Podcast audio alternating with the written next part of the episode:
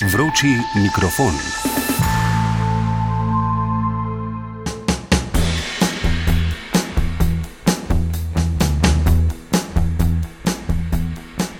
Nekaj dejstev za začetek.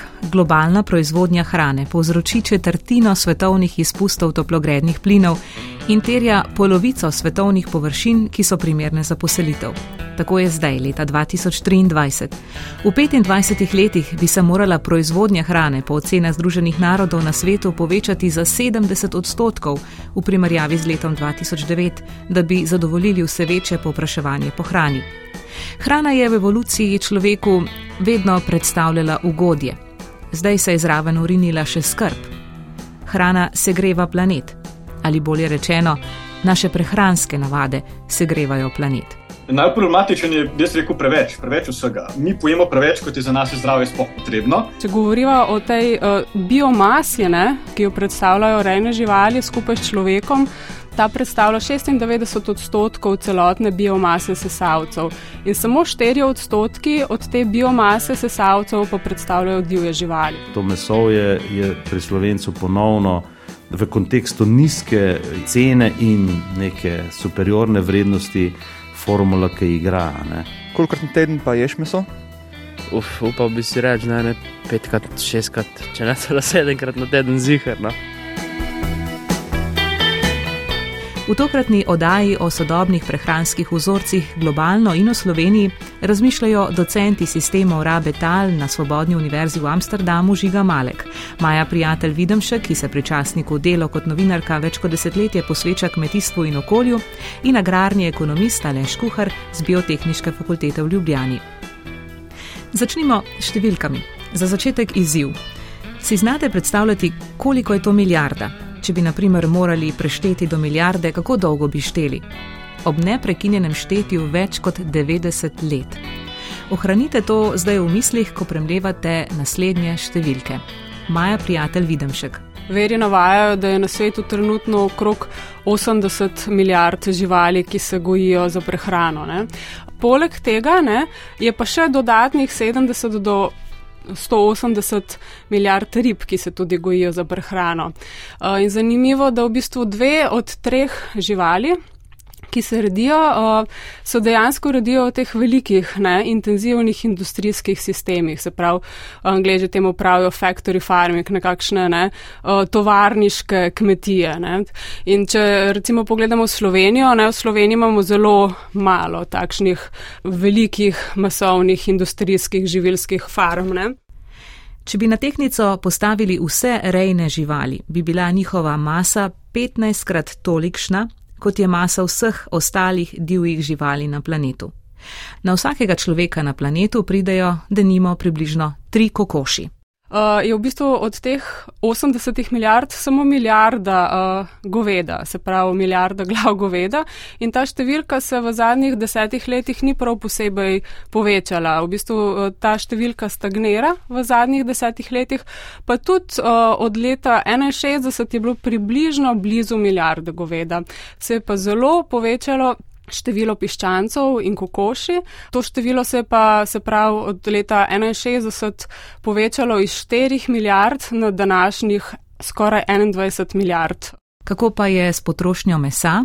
Globalna potrošnja mesa se je v zadnjih 50 letih podvojila, se pravi tam od leta 61, ne, eh, ko je pač znašala približno 23 kg na prebivalca globalno, ne, eh, pa do danes se je povečala na skoraj 44 kg na prebivalca. Ne.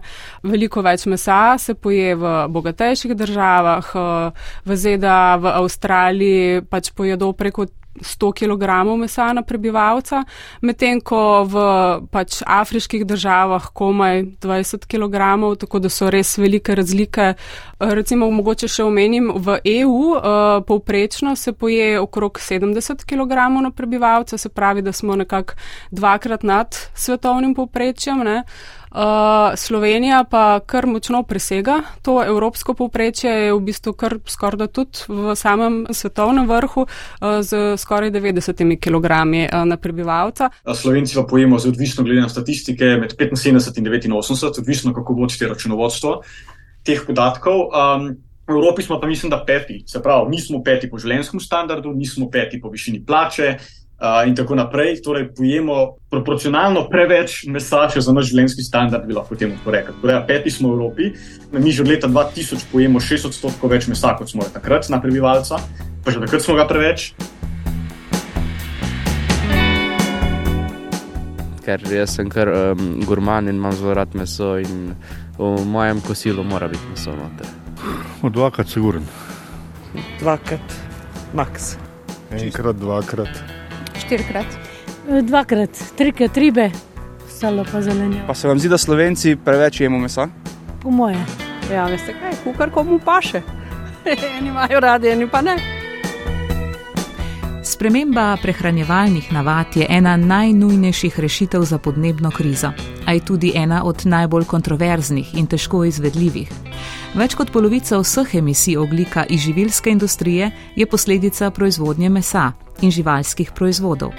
Trenutno se več kot tri četrtine kmetijskih zemljišč po vsem svetu uporablja za proizvodnjo prehrane živalskega izvora.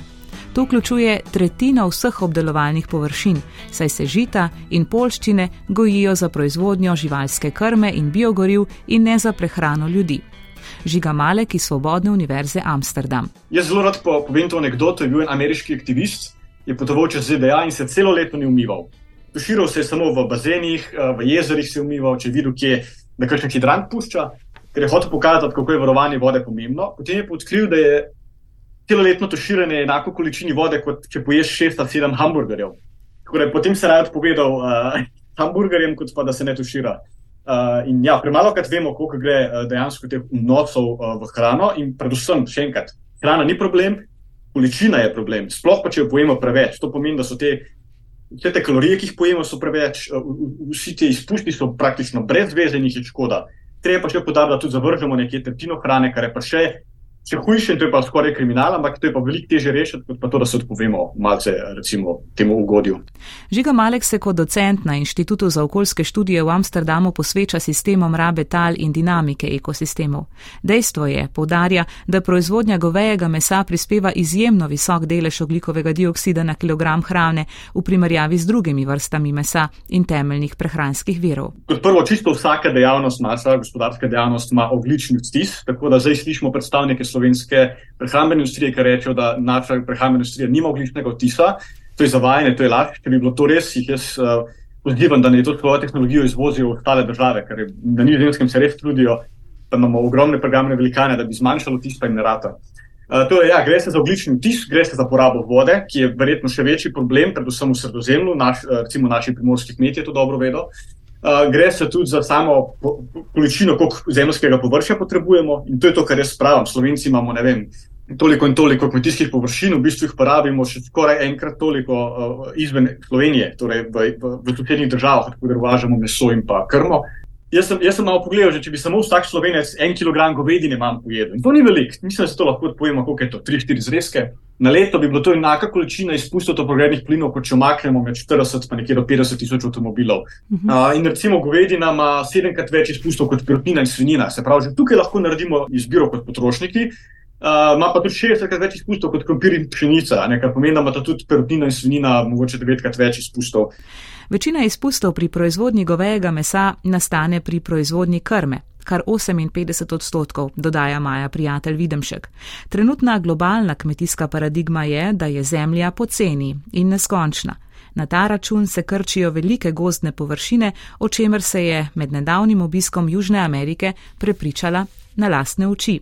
Industrijsko kmetovanje ni le povečalo obsega pridelave polščin, ampak je spremenilo tudi tehnike, ki jih uporabljajo kmetje pred kratkim sem bila v Boliviji, ker sem pač uh, videla, kako hitro res uh, izginja tamkajšnji uh, suhi tropski gost, uh, konstantno gori, površine se pred tvojimi očmi uh, spreminjajo iz takega uh, lepega, bogatega gozda v, v šerna polja, soja za pridelavo, predvsem krme za govedo, uh, ko je pa ta zemlja uh, preveč osiromašena, da bi uh, prinašala pridelek, pa pa na njo naselijo krave.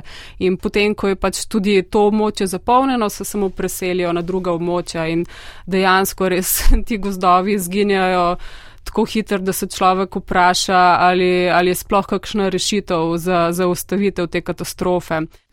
A v zmoti bi bili, če bi mislili, da s temi praksami v Sloveniji nimamo nič, da to, kar damo na krožnik, nima prav nobene povezave z izsekavanjem pragozdov, tam daleč stran.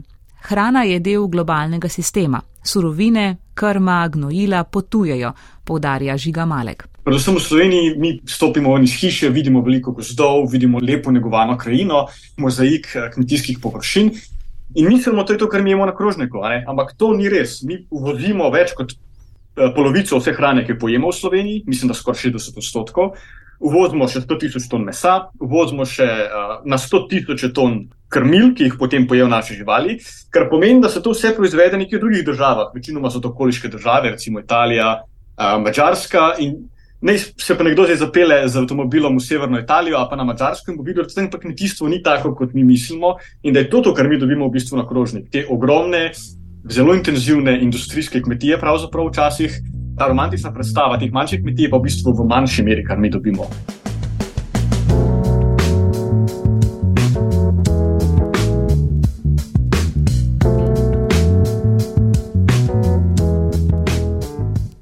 Pogovarjala sem se tudi z agrarnim ekonomistom Alešem Kuharjem, zaposlenim na Biotehnički fakulteti v Ljubljani. Kot pravi ga številka 90 kg mesa na slovenca na leto, preseneča, kar pripisuje različnim metodam. Tiste, ki temelijo na telefonskih anketah o prehranskih dnevnikih, nas po količini zaužitega mesa bremenijo bolj, kot pa naprimer preračun dejansko razpoložljivega mesa po makroekonomskih podatkih.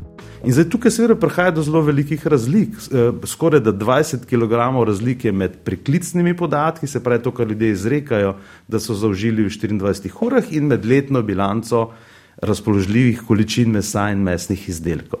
Najbolj problematična se mu zdi količina cenjenih mesnih izdelkov, ki jih zaužijemo v Sloveniji.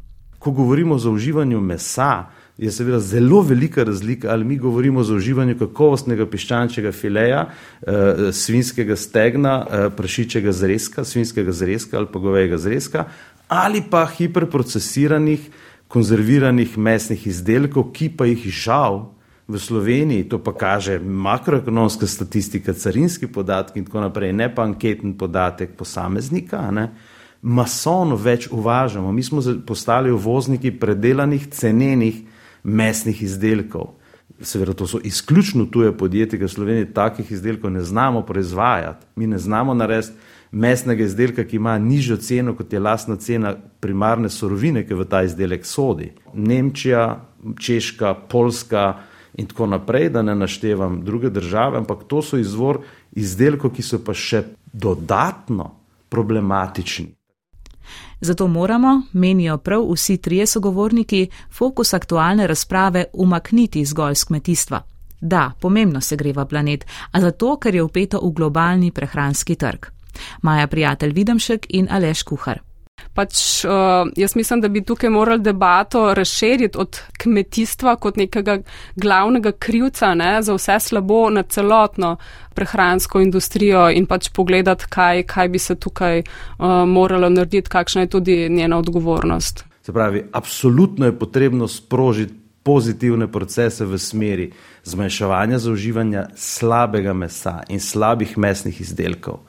Zboljševanje praks prereje mesa, uh, posodobitev življenja in tako naprej, ampak tega z militantnim in polariziranim pristopom, ker razpravi seveda ne bomo dosegli prej nasprotno. Ne. Se pravi, tukaj je potrebno bistveno več modrosti in strateškega pristopa k temu, kako sploh o tem začeti strokovno, znanstveno razpravljati in potem razmišljati o tem, kakšni so ustrezni pristopi k korekciji, k tranziciji, ne. ker tukaj ne govorimo o amputaciji živinoreje, pa prehranskih eh, vzorcev v smeri zauživanja mesa, ampak govorimo o tranziciji.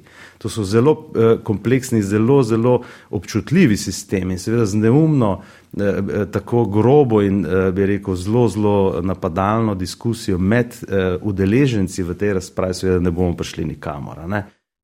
Poglavitna težava pri tem je, da se tudi na področju prehrane zasleduje dobiček in neneh narast. Če lokalno nimamo takega občutka, so stvari v globalnem merilu zelo očitne.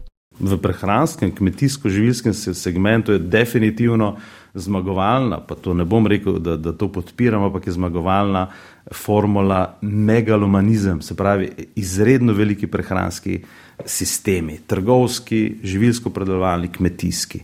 S tem, ko mi seveda kupujemo preomenjene cenene mesne izdelke, seveda posegamo na tanko po tem poslovnem modelu. Megalomanska mesno-predelovalna podjetja, ki praktično brezkompromisno eh, in brez nekih omejitev, eh, se pravi, nabavljajo surovine iz izredno nepreseljivo velikih eh, kmetijskih obratov in seveda s tem doseže enormne pozitivne ekonomske učinke v smislu cenenosti, ne, stroškovne učinke, ki jim slovenska celotna agroživska veriga niti kot državica ne moremo parirati. Ne. Da se je posel s hrano izrodil na najbolj nizkotno raven, je ilustrirala Maja prijatelj Videmšek. Mogoče bi se vrnila na začetek ne, te uh, pandemije. Ne, uh, v letu 2020 uh, je bilo uh, v ZDA uh, veliko govora uh, o pač teh uh, pakirnicah mesa in izkoriščanju tamkajšnjih delavcev, uh, ki so morali delati uh, pač brez zaščitne opreme, se pravi mask, uh, eden ob drugem. Uh, res uh, pač uh, tukaj je, gre za uh, mokro delo. Ne, uh, Eh, in eh, v teh pakirnicah eh, je bilo zelo veliko okužb s koronavirusom, bilo je tudi zelo veliko smrti. Dejansko jim delodajalci, konkretno eden največjih pač proizvajalcev oziroma teh ki pakirajo meso Tyson Foods, jim niso uh, zagotovili ustrezne delovne opreme, niso jih uh, izolirali pravočasno in potem uh, so ti delavci se vračali v domače okolje, gre večinoma za migrante uh, in so pač uh, razširjali virus uh, in povečevali število smrtnih žrtev tudi v svojih domačih okoljih.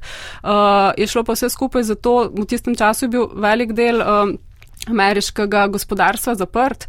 Uh, te velike pakirnice, uh, predelovalnice mesa pa so si pri uh, ameriškemu predsedniku Donaldu Trumpu uh, zagotovile, zlobirale um, pač uh, izjemo, uh, da so lahko še naprej poslovale, ker pač so zagrozili njihovi šefi, da uh, če bodo zaprli uh, pakirnice, potem bodo dejansko ne, američani ne bodo imeli več na voljo mesa, v resnici pa so te pakirnice v tem času še bistveno povečale izvoz mesa na Kitajsko.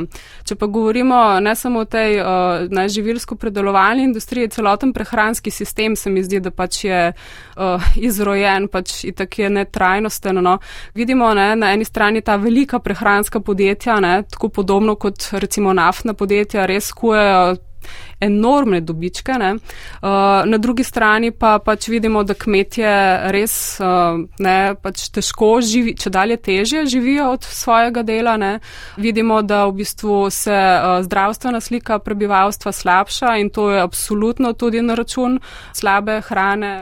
In potrošnik ima pri utrjevanju tako izrojenih sistemov ključno vlogo. Od naših izbir je odvisno, v katero smer se bo vrtelo to kolo, je prepričan kuhar. Nedvomno ljudje s svojimi izbirami na policiji dajemo zelo, zelo jasne signale, kaj in kako naj oskrbna veriga, ki te police polni, se pravi od trgovca nazaj, podjetje, ki predeluje kmetijstvo, kakšne signale dajemo mi, kakšna napotila, navodila, ne? ker izbira izdelka s specifičnimi karakteristikami daje nedvomen signal v skrbno verigo, dajte mi še. In tukaj mogoče ni napačno še eno stvar omeniti, ko se pogovarjamo eh, recimo z velikimi poznavalci ali pa dobavitelji v Slovenijo za, za, za izdelke, ne, pogosto naletimo na presenečenje, ne, kjer eh, veliki podjetniki v distribuciji s hrano rečejo, veste, slovenci ste me pa presenetili in sprašujem, zakaj pa. Mi smo mislili, da je ta trg zahteven. Mi smo mislili, da bomo tukaj morali na podoben način igrati, podobne stvari ponujati, kot jih ponujemo v razvitih delih Avstrije, Italije in tako naprej. Vidimo, da se pa ne razlikujete veliko od manj razvitih držav in zakaj bi vas mi izobraževali in vam ponujali višjo kakovostno hrano, če ste pa tako zadovoljni z relativno drago, se pravi niže kakovostno, pa vendarle za nas zelo ugodno eh, ponudbo. Simptom tega so oglaševalske kampanje o akcijah hrane v medijih, da nimo. Med najbolj oglaševanim in izpostavljenimi je prav meso pod akcijskimi cenami.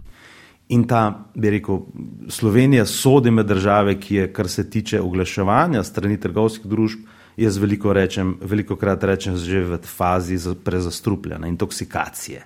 Spravi, tako intenzivnega oglaševanja strani trgovskega sektora kot Sloveniji, poglejmo, ne rabimo veliko, samo odprimo kanale drugih uh, televizij, sosednjih boste videli, da tak, takšne koncentracije komuniciranja, oglaševanja trgovcev ni nikjer. In kar je še posebej zanimivo v kontekstu najnega pogovora, je posebej ta uh, stalno izpostavljanje nizkih cen zrezkov, ne vem, če se še vse mesnih izdelkov, kar očitno ne, kaže, da seveda to meso je, je pri, pri slovencu ponovno v kontekstu nizke eh, cene in neke superiorne vrednosti formula, ki igra. Ne. Ja, je akcija, tudi glavno za akcijo. Ne, z kvalitete, tako da moram kuhati. V bistvu, kadar ga kupujem, gledam na ceno, pa kupujem, probam kupiti kvalitetno. Pogledam, kdaj zjutraj to lidla aplikacijo, vidim, da je zniženo in grem kupiti zelo. Ne? ne, jaz ne bi rekla, da no. Okay. Vedno smo tako, da smo gledali, da je v redu meso. Na podlagi cene, ponavadi tudi kvalitete.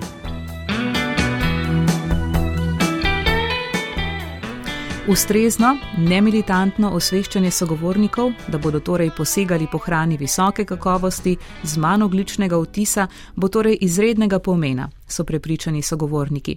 In pri tem, če bomo ostali pri enaki količini zaužitega mesa, zgolj lokalno pridelana hrana ne bo dovolj, je prepričan Žiga Malek, Svobodna univerza Amsterdam. S takšno količino mesa, kot je sedaj, mi ne moremo biti samo skrbni. Nimamo dosto zemlja, večino je tako uh, Slovenije hiborite in gorate, kar pomeni, da ne moremo imeti intenzivne živinoreje. Uh, in tudi, če bi mi ne bi izgubili nobenega hektarja kmetijskih površin več, ki jih izgubljamo zaradi pozidave, zaradi infrastrukture in tako naprej, še zmeraj ne bo dovolj. Učinkovitost je pa še zdaj zelo visoka, določeni deli zelo intenzivni in ne moremo izboljšati. Kar pomeni, da če bomo hoteli imeti samo skrbo, neko navidezno, bomo mogli imeti še več teh velikih intenzivnih farm, katerih je v Sloveniji nekaj. In pomeni, da bomo mogli uvazati več krme iz ostalih držav. Uh, potem se bomo pa hvala samo skrbo pridelave mesa, recimo, in to ni možno. Torej, ne. Vsem tem bo treba zmanjšati. Uh, jaz, jaz sem že večkrat napisal, da za slovenske kmete je to lahko samo dobra novica. Če bomo zmanjšali pri, uh, porabo mesa, bomo rabili manj uvoziti in bo manj pritiska tega cenejšega, slabšega mesa s slabo sledljivostjo, uh, ki je vzgojeno recimo v slabih razmerah, bo, bo, bo manjša konkurenca za slovensko pridelano meso. To je ena, druga bo pa precej večja raznolikost. Mi žal ne jemo toliko raznoliko. Uh, v Sloveniji premalo zemljave, premalo sadja. Smo pa tudi pozabili na številne ostale. Um, recimo, kulture, katere smo včasih bolj gojili in na našem oddelku se s tem veliko ukvarjamo. Treba bo malo več diverzifikacije, določeni deli bodo še vedno specializirani, kot so danes, se pravi, se bo specializiral na govedorejo, se bo specializiral na pištančerejo, na mlečno govedorejo, na pridelavo zelenjave in tako naprej. Določeni deli bodo pa mogli biti bolj diversificirani in gojiti več različnih polščin. Tudi zato, ker smo videli, recimo lani, ko smo imeli uh, zelo dolgo sušo, zelo vroče, dolgo vroče obdobje, In samo neko bolj raznovrstno, diverzificirano kmetijstvo bo bolj odporno na, na, na take dogodke, katerih bo žal v prihodnosti če dalje več. Malek ob tem opominja na globalno perspektivo, ki jo pri nas v Sloveniji radi pozabimo. Če ostanemo pri enakih prehranskih vzorcih kot doslej, domine padajo druge. Mislim pa, je pa en še en scenarij, katerega smo mi tudi ugotovili v našem inštitutu, da bo vse za nas še vedno tako, kot je. To je tudi ena možnost, še vedno veliko rdečega mesa in tako naprej. Ampak to pa seveda pomeni večjo nepravičnost na drugih koncih sveta. Uh, in tega se ljudje v Sloveniji premalo zavedajo. Jaz v svojem delu s tem se non-stop srečujem, da pa so deli sveta že ne tako daleč, recimo Severna Afrika, kjer pa ljudje nimajo enakega dostopa zaradi nas, tudi zaradi tega nepravičnega prehrambenega sistema.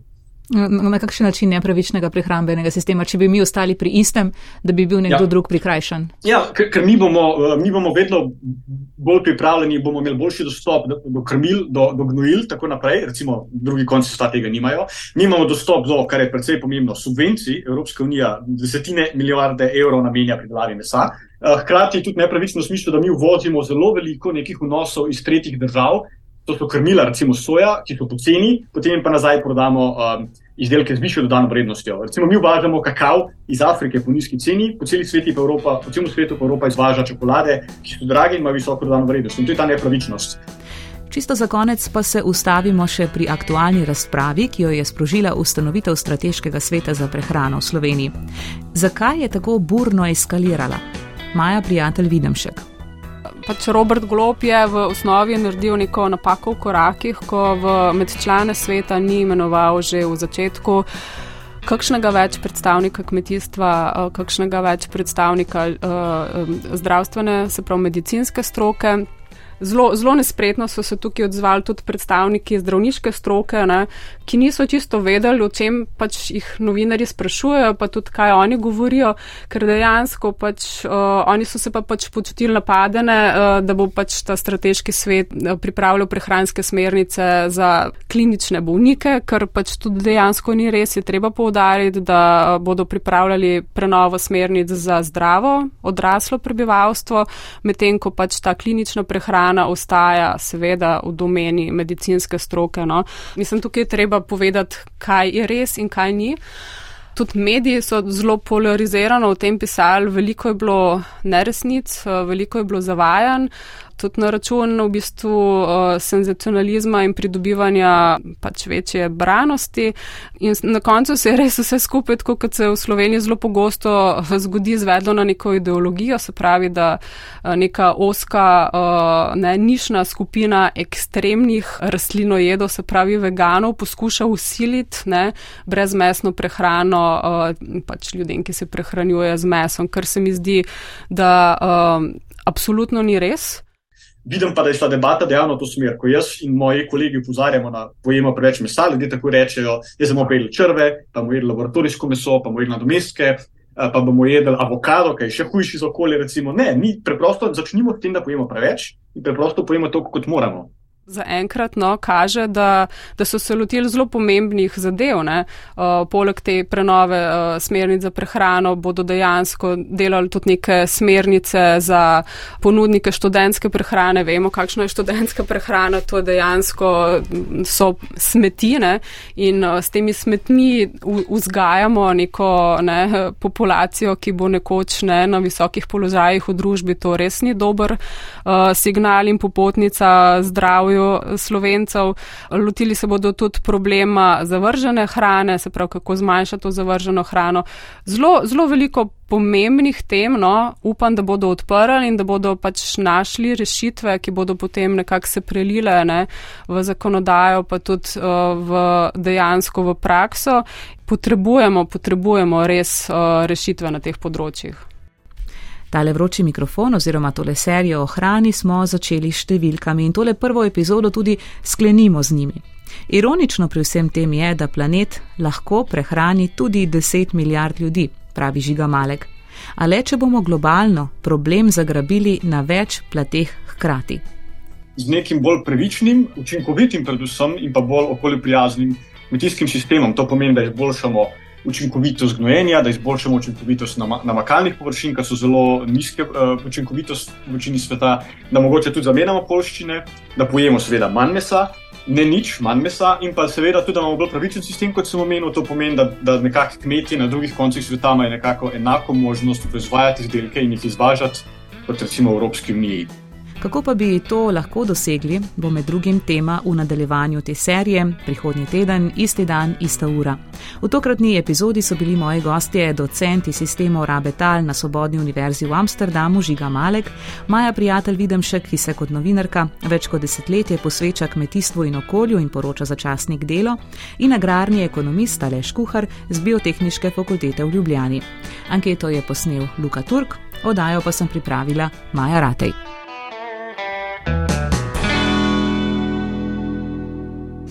Vroči mikrofon.